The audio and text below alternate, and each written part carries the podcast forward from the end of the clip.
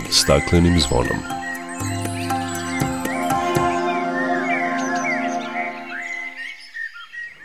Dobar dan. Dobrodošli na Zeleni talas Radio Novog Sada. Ja sam Milijana Kočić, a ovog nedeljnog jutra pitamo se, pored ostalog, da li ekološka naselja imaju budućnost, naročito u našim urbanim sredinama. U narednom satu govorimo i o posledicama klimatskih promena i uticaju ekstremno visokih temperatura na zdravlje ljudi, ali i na divlje životinje. Saznaćete kako izgleda proces uzorkovanja krvi slepih miševa i u kakvoj je to vezi s međunarodnim istraživanjem o poreklu virusa, o tim i drugim temama nakon naše pozdravne pesme. Dok priroda kraj nas plače Za vladarskim svojim tronom Tužno vele narikače Pod staklenim smo zvonom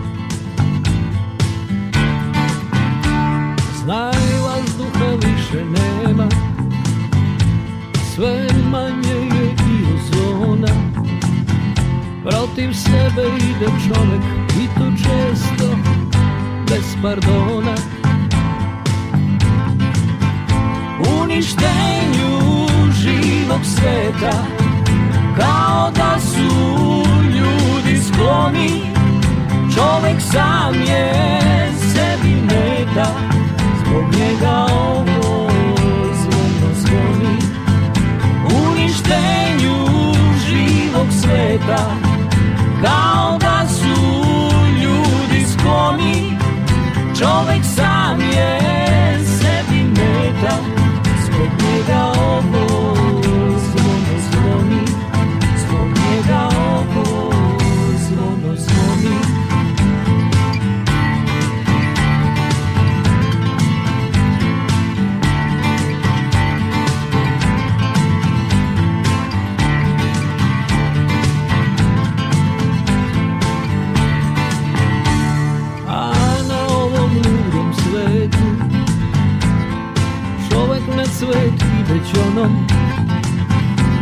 Šta nudimo to detetu Od stakleni kad smo zvonom Uništenju živog sveta Kao da su ljudi skloni.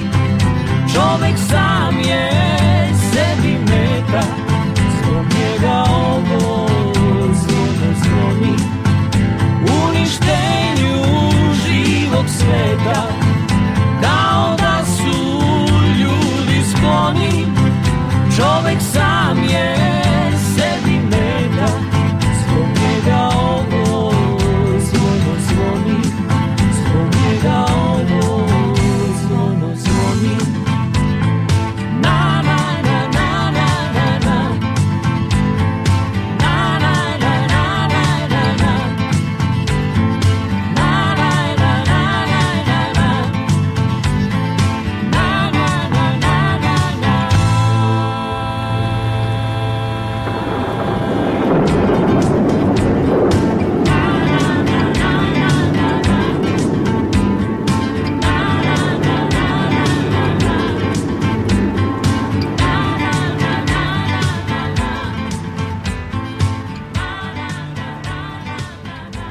Početkom avgusta objavljen je pobednik, odnosno dobitnik novčane nagrade na međunarodnom konkursu Eko naselje u Petrovaradinu, a reč je o Beogradskom studiju AKVS Arhitektura.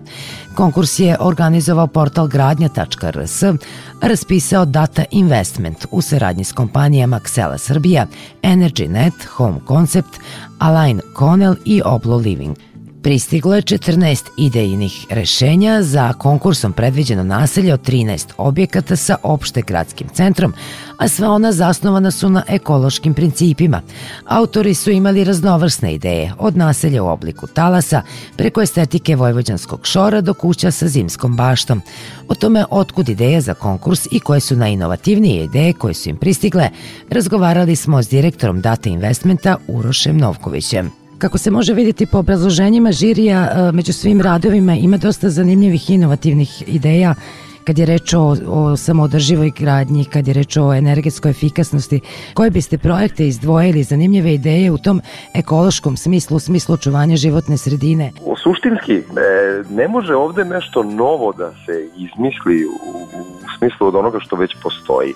Ali činjenica da sve to što već postoji smo uspeli da sublimiramo u jednu celinu i da se zaokruži to u smislu da, primer, pored toga što sad svi čujemo i pratimo da su solarni paneli dosta atraktivni i popularni i da je to nešto što može da ne samo zagreva vodu, nego da daje energiju iz domaćinstva, a novom uredbom i zakonima omogućilo i da se vrati u sistem i da se višak energije ovaj, proda na tržištu.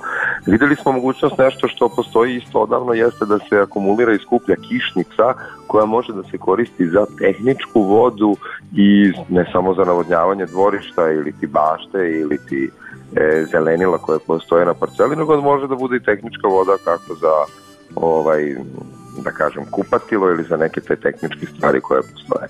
Samim tim videli smo i toplotne pumpe koje su izuzetno atraktivne i koje a, troše najmanje energije, daju najveće e, beneficije u smislu zagrevanja i hlađenja prostora i spajanjem svih tih sistema u jedan sa zelenilom koje nam je neophodno ne samo za život i koje nam daje i prostor kiseonik, dobijamo tu jedno prirodno zdravo okruženje u kojem bi svako želeo da živi, a prvenstveno i mi sami, tako da smo uspeli da postignemo da može da se svi sistemi i sve ovo novo što se koristi da se objedini. Kao što smo imali partnera Oblo Living koji nam je omogućio da kroz smart sisteme kuća vidimo neprimenjiv model da to zaista može, ali nema potrebe da vam u jednoj kući, u ovom slučaju koje bi bile 150, 200 ili 250 kvadrata, gore sva svetla u kući, ako vi prosto da ne razmišljate o tome, da sistem sam gasi svetla, da tamo nema nikog. Kao što imate u svim stambenim zgradama ulazima manje više ono na senzore, da se pali svetlo ako, ako nekog ima ili nema. Znači, to su sve male stvari koje kad se multipli, multiplikuju i, i iskoriste na pravi način daju ogromne uštede energije. Ne pričamo na dnevnom nivou, nego na godišnjem nivou. I samim tim to je u suštini neka budućnost koju ćemo mi biti svedoci da, da vidimo svakodnevno u našem okruženju, a ne samo ovaj, na nekom ovakvom projektu. Sve više ste se težeti uštedi energije i vidite i sami šta se dešava. Evo zanimljivo, drugu nagradu je e, dobio jedan koncept kuće i naselja kao ekološko-tehnološke mašine i odatle je jedno uh, zanimljivo urbanističko rešenje uh, proizašlo uh, koje predviđa i platformu za urbani rasadnik. Tako je, tako I to je jedna od mogućnosti. E, to je tim beogradskih, da kažemo, profesora radio i oni su što kaže, bojili van okvira i, i želeli su da prikažu nešto što je u svetu se ovaj, počelo koristiti. Za nas je to onako i za naše okruženje ne toliko praktično ili ti ne mogu reći praktično primenjivo možda u ovom momentu, ali zaista odličan pogled na svet da može da se na jednom objektu napravi neki novi život iznad njega sa svim tim sadržajima.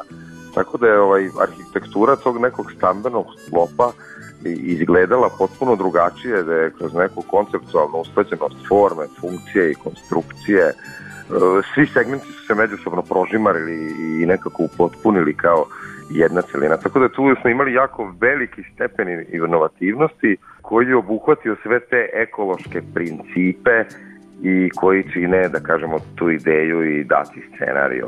Sa Urošem Novkovićem iz Data Investmenta razgovarali smo i o tome imali energetski efikasna samoodrživa gradnja budućnost u našim gradovima, odnosno da li investitori vode računa isključivo o profitu ili uvažavaju ekološke i energetske standarde, čak i ako to podrazumeva više ulaganja i manju isplativost.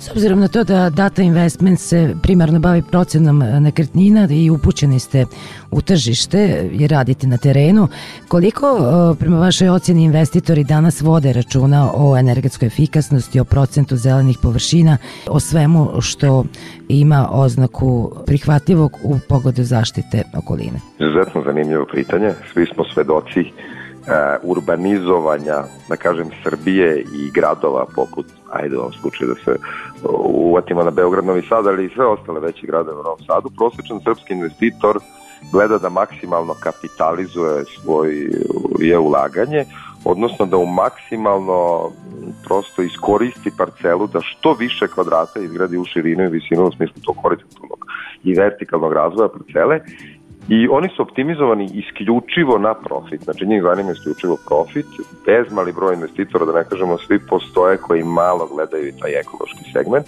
jer prosto naše tržište na današnji dan diktira ponuda i tražnja, a kao što vidite tražnja je velika, samim tim to dozvoljava i daje slobodu investitorima da grade punom parom ono što tržište traži, a tržište traži ovo što se prodaje, a to nije ni ekološki da kažem, opravdano, niti su neki energetski razredi koji su vidljivi u svetu. Samim tim je to bila isto i razlog zašto smo mi hteli da izađemo iz tog e, zatvorenog e, delokruga razmišljanja i da ponudimo tržištu nešto drugo i da uradimo nešto drugačije, a prvo pre svega mi hoćemo tu da živimo. Zašto? Zato što sve jedan investitor kad su videli našu parcelu od jednog 1,2 hektara rekli su ovde može da se izgradi određeni broj urbanih vila, određeni broj stanova, u smislu akumulacije što više kvadrata i što većeg profita. E, to nije cilj, zato što negde mi smatramo da sa ovim projektom i sa ovim što ćemo mi da uradimo, ćemo da otvorimo ideju ljudima da može i drugačije da se živi, da može i lepše da se to iskoristi, da nije novac, kapital, nešto što je da presudno za život, da može to sve malo i drugačije. Malo pomalo nešto slično se dešava. Beogradski Kosmaj recimo ima dosta ovakvih sličnih projekata, ali on je neki 45 minuta od Beograda. Ovo je neka parcela koja je na 5 minuta ili ti 5 km od grada Novog Sada i to je daje dodatnu atraktivnost. Znači u gradu si, a nisi u gradu, u zelenom si okruženju. U kojoj meri oni koji grade e, koriste postice države kad je reč recimo uvođenju solarnih panela ili korišćenje neke vrste energenata koja je ekonomična, štedljiva, koja manje zagađuje okolinu. Generalno, novi investitori koji grade, oni nemaju mogućnosti za podsticaje na te solarne panele i to što su gradovi opštine raspisivali, to je za već nešto postojeće i za povećanje energetskog razreda i da, da prosto ljudi ne samo menjaju prozore, stolariju ili ti stavljaju te solarne panele, ali budućnost je ispred nas i to što se dešava u okruženju, ovo da uzmemo samo region u Hrvatskoj su energetski pasoši obavezni za e, trgovanje nekretninama, kao što je kod nas obavezan energetski pasoš za gradnju novih objekata. Vrlo brzo ako se usklađujemo sa Europskom unijom, a to radimo, će biti i kod nas to obavezno. Samim tim postojaće, pošto već u struci i u zakonu je prepoznata profesija kao energetski menadžer i, i energetski ti e, sertifikati koji se izdaju za, kao pas, u vidu pasoša, ljudi će početi da brinu o tome i dobit će veću svešt i bit će više informisani zašto vredi više neki objekat koji to ima u odnosu na onaj koji to nema, u smislu da će manje da energije, manje račune napravi na godišnji nivou. Tako da današnji investitori koriste to kroz gradnju tih toplotnih pumpa, to smo svedoci da rade i dalje se koriste u suštini da se optimizuje profit pa se koriste što da se urade što brže, što bolje u smislu za njih, a ne za tog prosečnog kupca, zato što kupci stoje u redu trenutno i onda im nema ni potrebe da u tom pravcu razmišljaju. Ali svakako da, to će da se desi, to ćemo biti svedoci da će prosto kvalitet da se povećava, sve se gradnje pre 10 godina i danas. Svedoci smo da je mnogo kvalitetnija gradnja sad ili pre. Naravno, ima tu jako, jako puno prostora za poboljšanja u svakom segmentu gradnje i materijala i ekološkog tog aspekta i materijala koji bi se koristili i tih pumpi, i tih solarnih panela i svega toga. Ali evo vam primer samo jednoj Turskoj, svi smo bili, videli ste svi na gradama, na zgradama da postoje solarni paneli i oni veliki ovaj, da kažemo, bojleri koji greju i za celu zgradu se to onda spušta i samim tim ne moraju da zagrevaju vodu na taj način. Svedoci smo da ćemo uskoro kod nas biti obračun potrošnje toplotne energije, odnosno grejanja kroz one kalorimetre, koliko para, toliko muzike u smislu grejanja na gaz, da vi leti ne plaćate, a zimi plaćate. Znači, to je vid štednja i zato je gas na današnji dan možda i najjeftiniji energent kao takav. Tako da mi idemo napred i mi ćemo sve brže i više ćemo biti svedoci toga da će da štedimo energiju, da će nam se nuditi rešenja koja će to da nam omogućavaju, koja će biti optimalna za svakog korisnika e, pojedinačno u smislu porodičnih domaćinstava i zaista se radujemo tome jer se to već sve dešava oko nas i u samom regionu.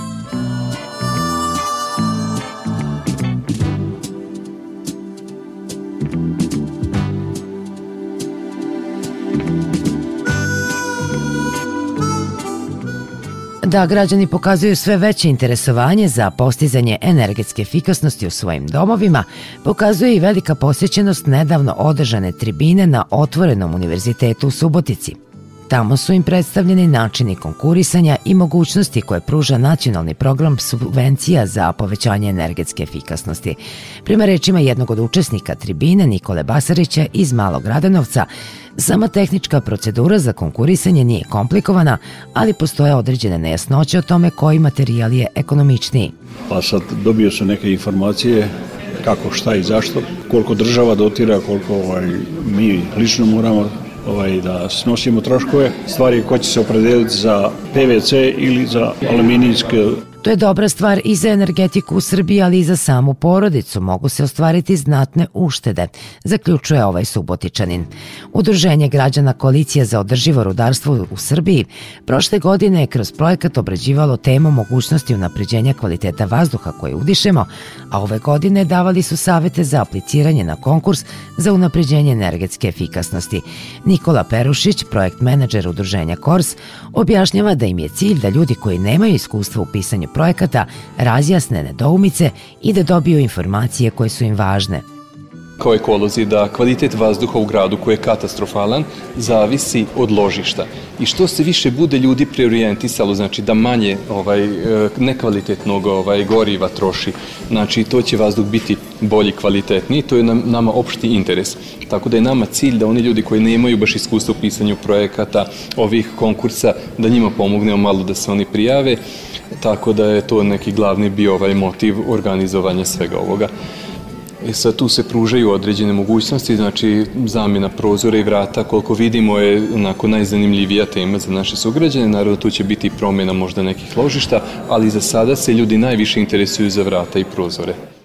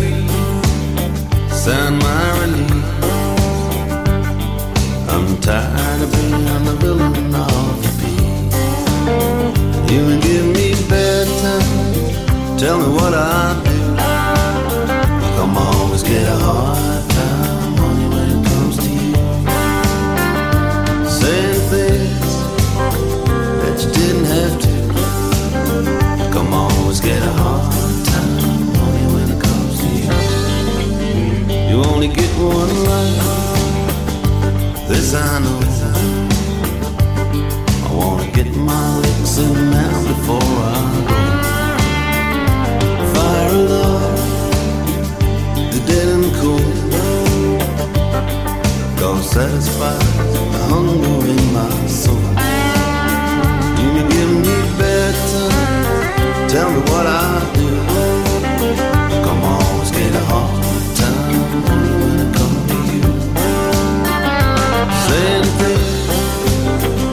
that didn't have to. Come on, let's get home.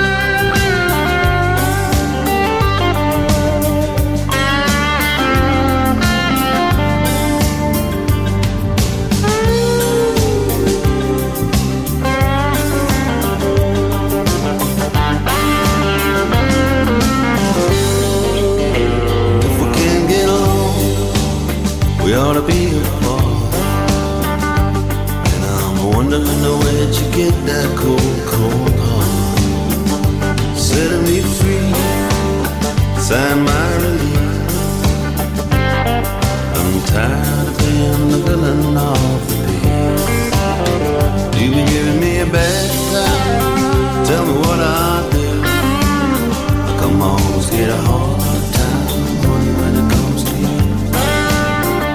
Saying things that you didn't have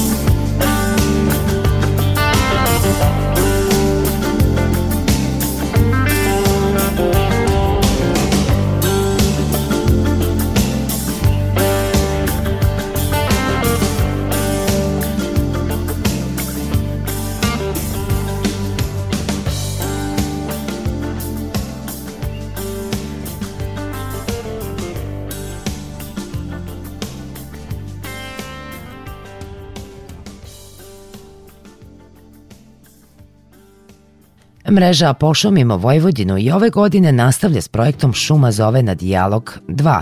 Realizuje se u okviru programa Ekosistem, podrška reformama u zaštiti životne sredine, koji sprovode mladi istraživači Srbije, uz podršku Švedske agencije za međunarodni razvoj i saradnju. Jedan od četiri člana mreže Pošumimo Vojvodinu je i pokret Korana Novog Sada, a od projektne menadžerke Dušice Milenković iz tog pokreta saznali smo koje su aktivnosti planirane u narednim mesecima i šta njima žele da postignu. Projekat Šuma zove na dijalog pokrenut je prošle godine kako bi se skrenula pažnja javnosti na važnost očuvanja i podizanja novih šuma. Ove godine planirane su brojne aktivnosti u tri grada. Šta sve obuhvate projekat?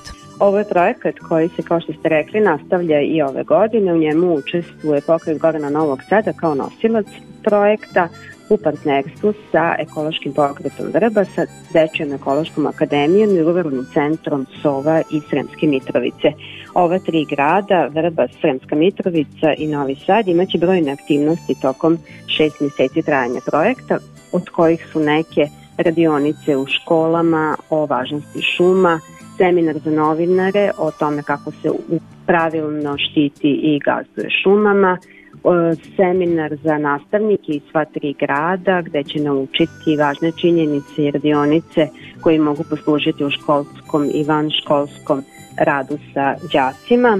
Takođe radit ćemo na jačanju mreže Pošumimo Vojvodinu koju čini 24 ekološke organizacije sa područja Vojvodine kroz vodnevni seminar i kroz jednu veliku akciju sadnje koja će biti tom prilikom organizovana. Ono što je takođe značajan deo, možda najznačajniji u ovom trenutku, to je dijalog koji ćemo nastaviti da vodimo sa donosiocima odluka, koji smo započeli prošle godine i koji se pokazao kao jako dobar e, moment i do, dobra prilika da se za jednim okruglim stolom nađu svi oni koji na svoj način učestvuju u donošenju odluka o podizanju i negovanju šuma na području Vojvodine. S obzirom na iskustvo od prošle godine, kakva sam očekivanja od ovogodišnjeg e, projekta? Prošle godine smo imali veliki broj zadovoljnih korisnika, to su bila pre svega deca koja su imala i radionice i izlet u zaštićena područja. Ove godine očekujemo da će i nastavnici biti zadovoljni jer će dobiti veliki broj i edukativnog materijala i radionica i znanja koja će moći da koriste dalje u radu sa đacima. E, mislimo da će biti dobar i ovaj seminar koji će biti terenski seminar, otići ćemo u jedno zaštićeno prirodno dobro u kome se dobro upravlja šumama i gde će e, novinari imati priliku da od stručnjaka koji vode takvu šumu i od stručnjaka šumarstva iz drugih nekih javnih preduzeća ili institucija dobiju odgovor na sva pitanja koje imaju, a koja često zbunjuju javnost jer nemaju dovoljno dobre informacije, znači da će biti prilika da se od stručnih lica čuje sve ono što je ovaj, e, važno. I ono što takođe očekujemo to je da ćemo pokrenuti, prošle godine je jedna od jedan od zaključaka tih, tog okruglog stola sa institucijama bila e, da bi bilo potrebno na nivou lokalnih zajednica podizati šumske zaštitne pojaseve kao način za podizanje pošumljenosti Vojvodine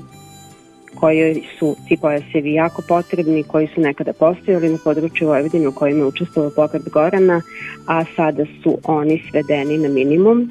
E, tako da očekujemo da će biti razumevanja za ovu temu i da će biti pokrenuta neka inicijativa i neki konkretan plan za ovu aktivnost na području Vojvodine.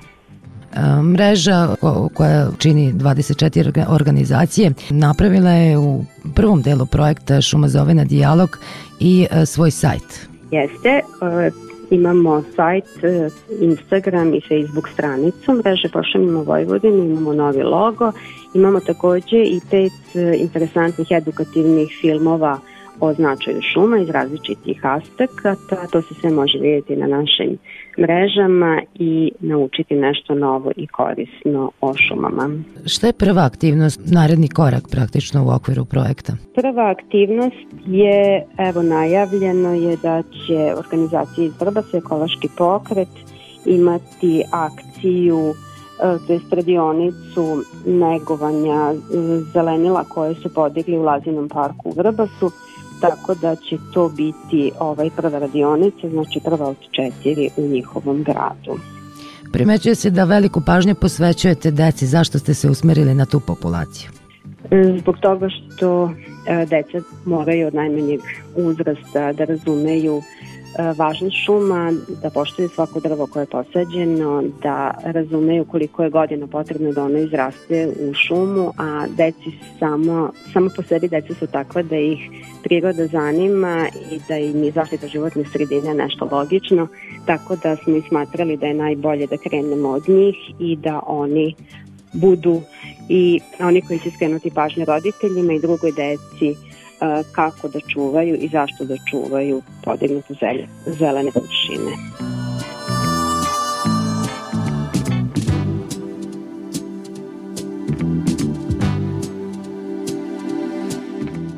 Izložba postamenata koja predstavlja rezultate prve faze pošumljavanja i ozelenjavanja pet gradova u Srbiji, među kojima i Kikinda, otvorena je na Kalemegdanu.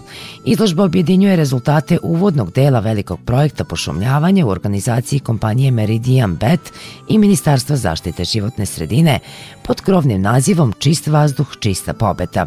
Posetioci su mogli na sedam panela na najvećem beogradskom šetalištu da se informišu o dosadašnjem toku akcije koji je u prvih pet gradova Srbije, Novom Sadu, Kikindi, Bačkoj Palanci, Subotici i Beloj crkvi donela nove drvorede, čistiji vazduh, oplemenjenu estetiku gradske celine i oaze bez gradske buke. Kikindi je u okviru akcije kompanija Meridian Bet donirala 133 sadnice, crveno-lisne šljive i kalreuterije. Kako objašnjavaju, veliki ekološki projekat treće naredne tri godine, a pored aktivne sadnje drveća predviđena je i donacija novca lokalnim samoupravama za potrebe planskog uređenja zemljišta i terena na kojima će biti formirane takozvane buduće fabrike kiselnika. Kako kažu, u planu su i druge ekoakcije koje će doprineti zaštiti životne sredine i podizanju svesti o najznačajnijim problemima u zemlji.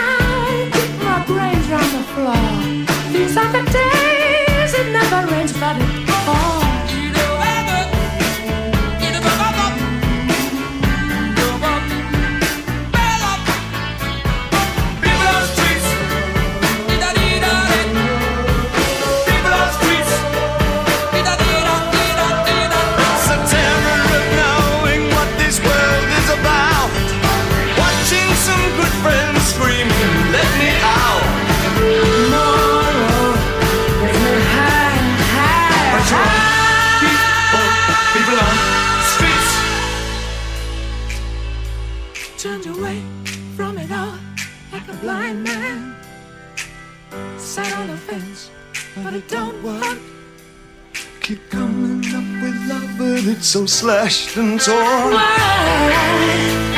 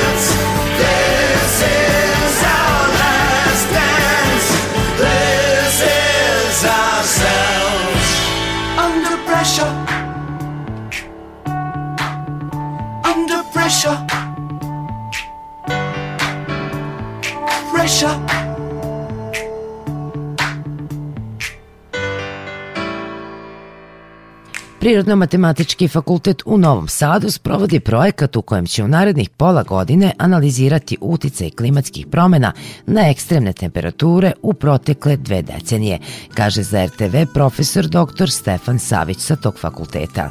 Mi smo sad dobili ispred PMF-a, Prirodno-matematičkog fakulteta, jedan mali projekat koji traje nekih šest meseci, krajem oktobra se završava, prosto fond, e, taj globalni institut za e, prevenciju od hazarda, odnosno od, od ekstremnih, ekstremnih pojava i američki crveni krst ima jedan fond koji prosto e, omogućava istraživačkim timovima, pre svega u, u slabo razvijenim, srednje razvijenim zemljama, kao što je i Srbija, da probaju da nađe određena rešenja koje su pre svega vezane za klimatske promene, pa smo i mi tako dobili ovaj, jedan taj projekat koji sada realizujemo. Nama je fokus pre svega Srbija, i Novi Sad konkretno kao lokalna sredina. Dakle, trenutno sad analiziramo podatke za zadnjih 20 do 30 godina, želimo da damo jednu generalnu sliku kakvi su, uh, kakav je temperaturni termalni komfor na nivou Republike, a fokus nam je još veći na sam grad Novi Sad. Vi znate da već mi zadnjih par godina radimo pre svega urbanu klimu, pratimo klimatske prilike u Novom Sadu pre svega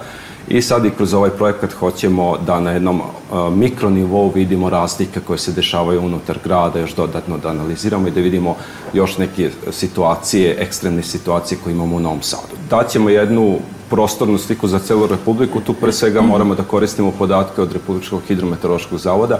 Vi znate da se njihove stanice van urbanih zona, znači u prirodnom sredinama, tako da tu pokrivamo, da kažemo, generalno celo teritoriju, nezavisno da li je prirodna sredina ili urbana. Ali ono što nam je još interesantnije, da ćemo možda dobiti još bolje ovaj, i interesantnije za ljudi i za društvo podatke, jeste sama urbana sredina i razlika unutar urbane sredine. Znate, otprilike da već pre, prethodnih nekoliko godina, koliko to pratimo, mi znamo da u Novom Sadu imamo 8 do 9 stepeni, minimum 8 do 9 stepeni razlike kada su najtoplije ovaj, periodi dana ovaj, u pitanju, dakle između prirodne sredine i urbane sredine, to pre svega noć. U nas, nama je noć najveći problem, u stvari tad se zadržava najviše toplote i to u stvari najviše utiče na ljude. Tako da je to jedna već generalna slika koju znamo, ali sad idemo još dalje. Dakle, sad želimo da vidimo bukvalno na 50 do 100 metara razlike, distance, kolika je temperaturna razlika, a u nekim situacijama videli smo da je tu velika. Prema statistici, jul koji je za nama bio je najtopliji još od 1931. godine. Ekstremne temperature za koje se ne može predvidjeti kojim tokom će ići, veoma utiču na zdravlje svih nas, naročito na mlade, objašnjava profesor PMF-a Stefan Savić. Dakle, nama je najveći problem kada imamo toplotni talas nekoliko dana za redom i kada uz taj toplotni talas imamo tropske noći, to znači da temperatura ne pada ispod 20 stepeni Celzijusa. I zašto je 20? Zato što ako je 20 ili više, organizam ne može noći da se rashladi dok spavamo.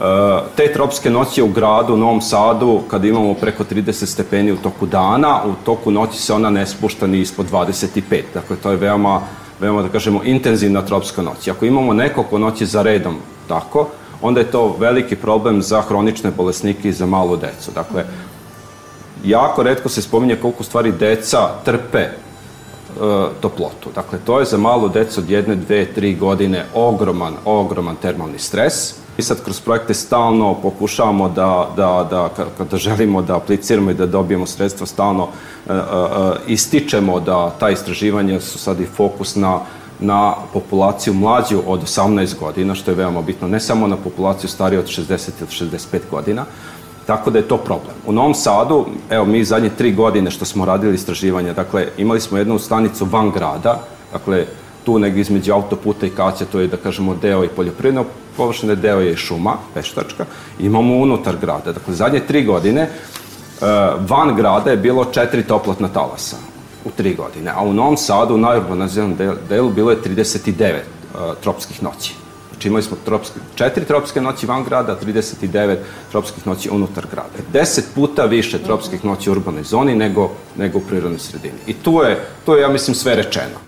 Prema rečima našeg sagovornika, istraživanjima se može doći do određenih zaključaka i prognoza, a i tek kada utvrdimo u kom procentu su trenutne klimatske promene posledice aktivnosti ljudi, a koliko su to regularne aktivnosti sunca, možemo govoriti o budućim koracima u sprečavanju katastrofa.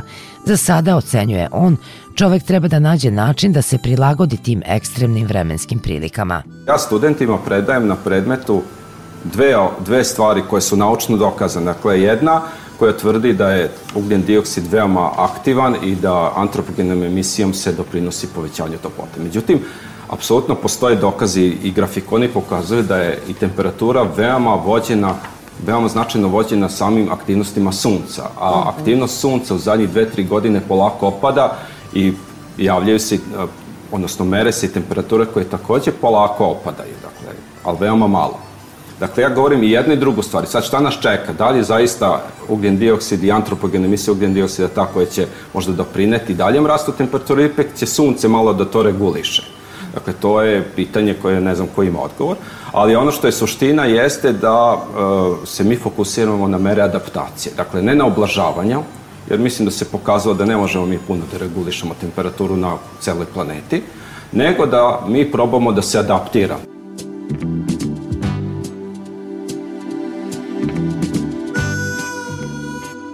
Visoke temperature, naročito one preko 35 stepeni, ne prijaju ni životinjama. Divljač je ovih dana posebno ugrožena jer su pojedini vodotoci presušili, a videvši to, Udruženje lovaca iz Čonoplje pokrenulo je akciju pripreme pojelišta za životinje.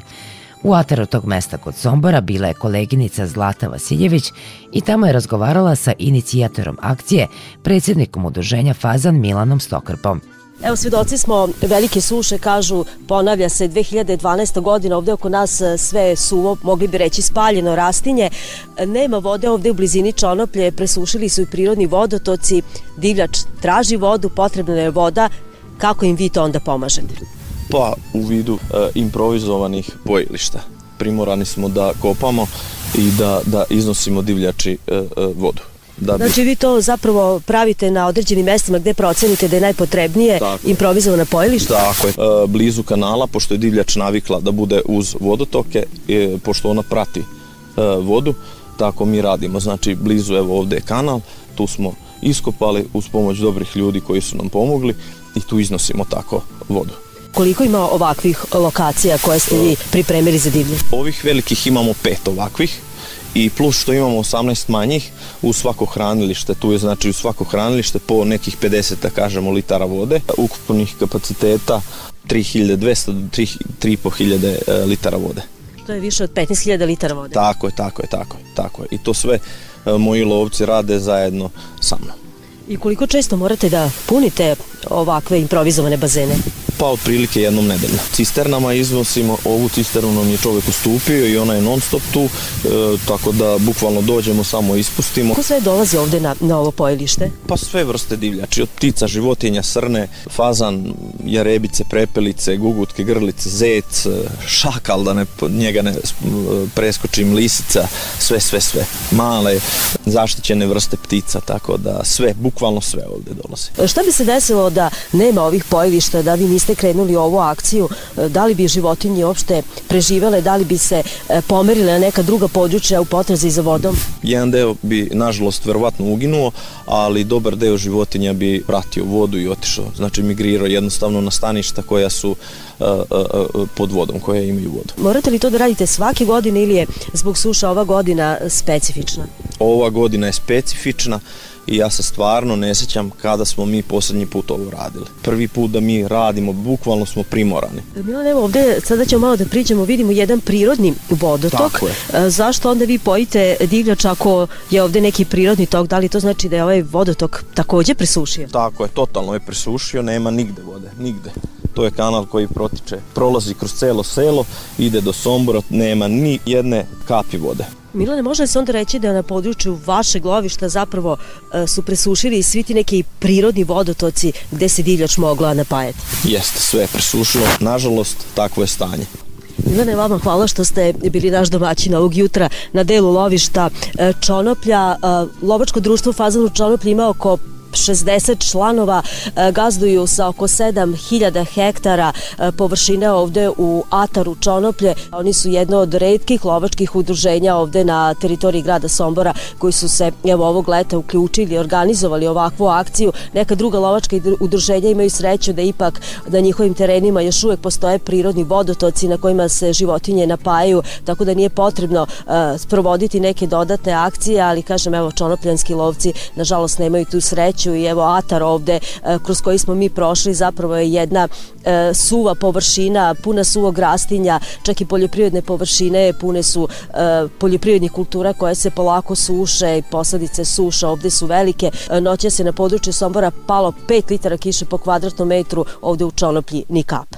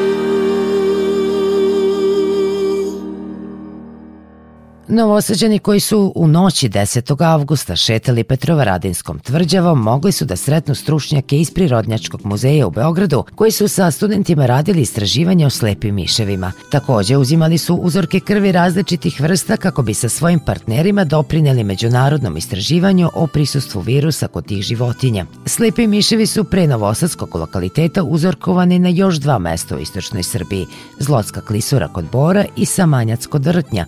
Na Petrovaradinskoj tvrđavi bila je naša Ljiljana Šašić, koja je saznala kako izgleda uzorkovanje i šta su biolozi saznali o jedinkama koje su pronašli u Novom Sadu.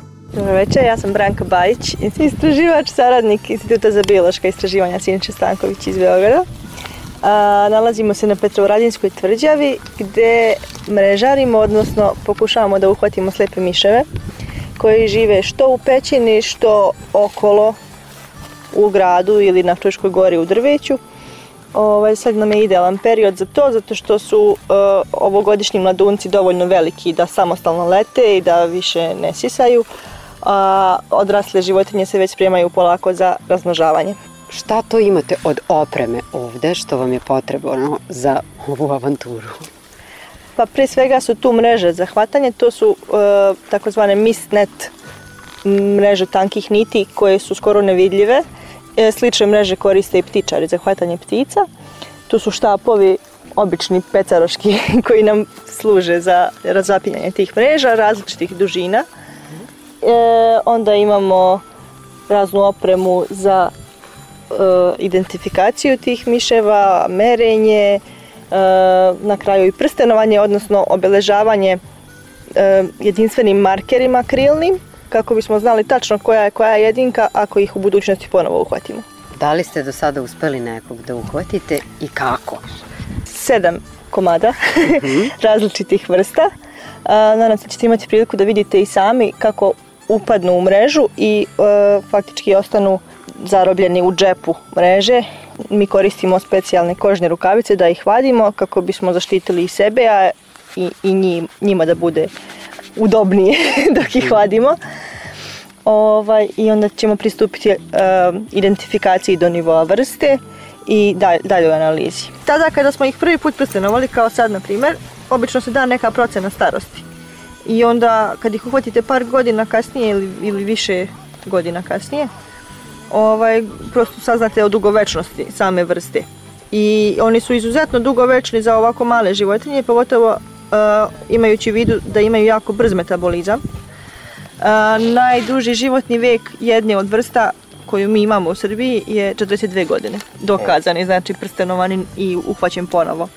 Što je jako puno i iznenađujuće puno za tako sitne životinje. Ovaj, isto smo saznali, na primjer, da prelaze velike distance, da koriste, na primjer, celu mrežu pećina u jednom kraju ili čak da migriraju između Petrovaradina i e, Zvornika, što je u Bosni, znači na granici samoj na Drini. Takođe, sa ovog lokaliteta e, miševi su nalaženi i u Valjevskom kraju, i u e, Vršcu, i u Zvorniku. Znači, skroz onako idu svuda, pogotovo određene vrste, što je baš interesantno za pratiti. Njihova morfologija krila je dosta različita. Imate vrste koje imaju dugačko, a usko krilo, prilagođeno za let na velike distance. Znači, uh -huh. imamo vrste koje migriraju i prelaze i hiljade kilometara. A isto tako imamo vrste koje imaju kratka i široka krila, a, prilagođena za kraći let i za izbjegavanje prepreka. Znači, le, let kroz gustiš, kroz šumu, kroz zatvoreno stanište, ovaj, za razliku od ovih koji znači lete na duge distance, na otvorenom i dosta visoko, znači tamo gde nema uopšte prepreka. I onda verovatno u skladu sa tim i preferencije prema tome koliko mogu odjednom da lete. Ima zanimljivost jedna da je, mislim da je bio veliki potkovičar u pitanju, prstenovan ovde i da je nađen u selu u blizini Kruševca što je bilo na primjer 250 km daleko posle samo četiri dana. U vreme pandemije virusa COVID-19, kad su se mnogi svetski istraživači usmerili na povezanost slepih miševa i tog virusa, i Srbija je odlučila da se pridruži takvim analizama. Uzorkovanje kakvo je urađeno na Petrovaradinskoj tvrđavi zapravo je deo tog projekta koji se radi sa kinezima, objašnjava doktor bioloških nauka Milan Paunović, inače savjetnik i kustos Prirodnjačkog muzeja u Beogradu. U ovoj opštoj pomami za virusima i proučavanju porekla ovaj virusa, pogotovo SARS-CoV-2 od koga svi praktično celo čovečanstvo sada ima ove velike probleme. E, mi smo se pridružili međunarodnoj naučnoj zajednici koja je usmerila pažnju prema istraživanju virusa koji su prisutni kod slepih miševa. U saradnji Kliničkog muzeja, Instituta za biološke istraživanja Siniša Stanković iz Beograda, Medicinskog fakulteta u Beogradu i partnera iz Narodne republike Kine radimo istraživanje prisustva virusa kod slepih miševa u Srbiji. Šta podrazumeva to istraživanje? Pa prvo hvatanje slepih miševa, uzimanje male količine krvi e, koja se e, ispituje, odnosno ustanovljava se genetički materijal virusa i na taj način i prepoznaju virusi i potrebno je izvaditi iz svakog primjerka oko 60 mikrolitara krvi i to upravo radimo sad ovde na Petrovaradinskoj tvrđavi i na još četiri ili pet lokaliteta u Srbiji kako bismo imali bolju sliku o prisustvu virusa kod naših domaćih slepih miševa. Rezultati će biti e, poznati u narednih godinu dana. Sada skupljamo ovaj materijal i pripremamo ga za dalje analize.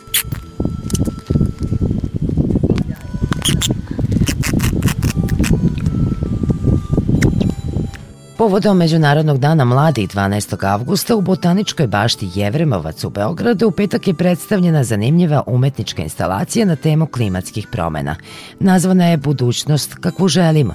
Posetioci će do kraja avgusta uz redovnu cenu ulaznice za Botaničku baštu moći da vide i tu jedinstvenu umetničku instalaciju. Objašnjava nam Irena Raičević iz Svetske organizacije za zaštitu prirode koja je i organizovala postavku. Instalaciju su osmislili i uradili mladi umetnici klimatski aktivisti iz Beograda sa kojima WWF već duže vreme sarađuje na projektima i omladinskim inicijativama posvećenim borbi protiv klimatske krize i ova instalacija treba da pošalje poruku o ozbiljnosti i potencijalno katastrofalnim posledicama klimatske krize ukoliko nešto ne uradimo. Sama instalacija je zamišljena kao tunel koji koristi efekat optičke iluzije da predstavi dve verzije budućnosti. Budućnost kakva nas čeka ako ništa ne uradimo i budućnost kakvu želimo koja jeste apsolutno moguća ako se svi oko nje potrudimo. Mladi ljudi su izuzetno posvećeni i zainteresovani i zabrinuti, zabrinuti zbog klimatske krize i ovo je samo još jedan način da, da se podigne svest svih građana, da se mladi ljudi uključe i da se njihovi glasovi čuju.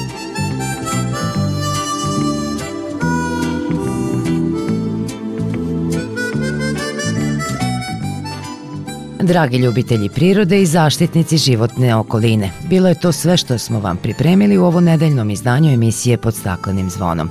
Tonski realizator emisije bio je Milan Granić, muzički urednik Zoran Gajinov Gaja, a urednik i voditelj Milijana Kočić. Naredni susret na zelenim talasima zakazujemo za sedam dana, a u nastavku programa poslušajte emisiju Poljoprivredno dobro. Prijatan dan!